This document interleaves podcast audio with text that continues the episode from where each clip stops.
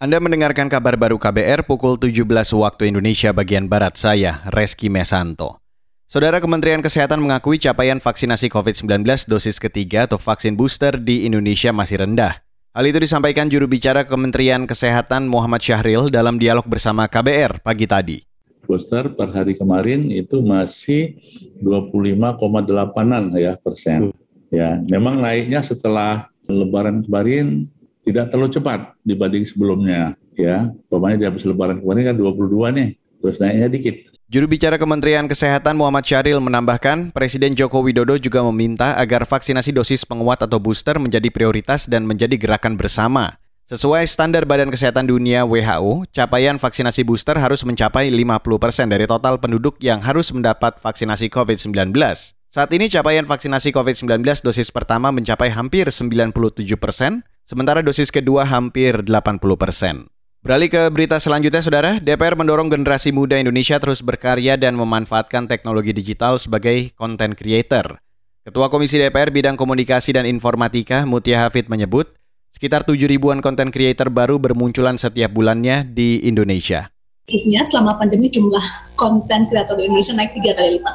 Luar biasa ya. Jadi kalau di uh, generasi milenial naik 45,93 persen, generasi Z 51,56 persen, pengguna baru per bulannya 7.730. Jadi ini jumlah konten kreator di Indonesia. Ketua Komisi DPR Bidang Komunikasi dan Informatika Mutia Hafid menjelaskan, konten creator adalah mereka yang membuat materi yang berisi informasi, edukasi, dan hiburan. Konten creator menggunakan media sosial seperti Instagram, Facebook, YouTube, blog, maupun platform digital lainnya. Survei dari Famous All Star 2022 menyebut, nilai pasar industri konten creator di Indonesia bisa mencapai 4 hingga 7 triliun rupiah per tahun dan mampu mencapai 5 kali lipat di 2027 mendatang. Saudara Selandia Baru dan Australia memperketat pembatasan biosecurity di perbatasan guna mencegah penularan wabah penyakit mulut dan kuku atau PMK yang tengah menyebar di Indonesia. Perdana Menteri Selandia Baru Jacinda Ardern mengingatkan pentingnya menghentikan potensi wabah PMK masuk ke negaranya terutama lewat wisatawan dari Australia yang pernah mengunjungi Indonesia dalam waktu dekat.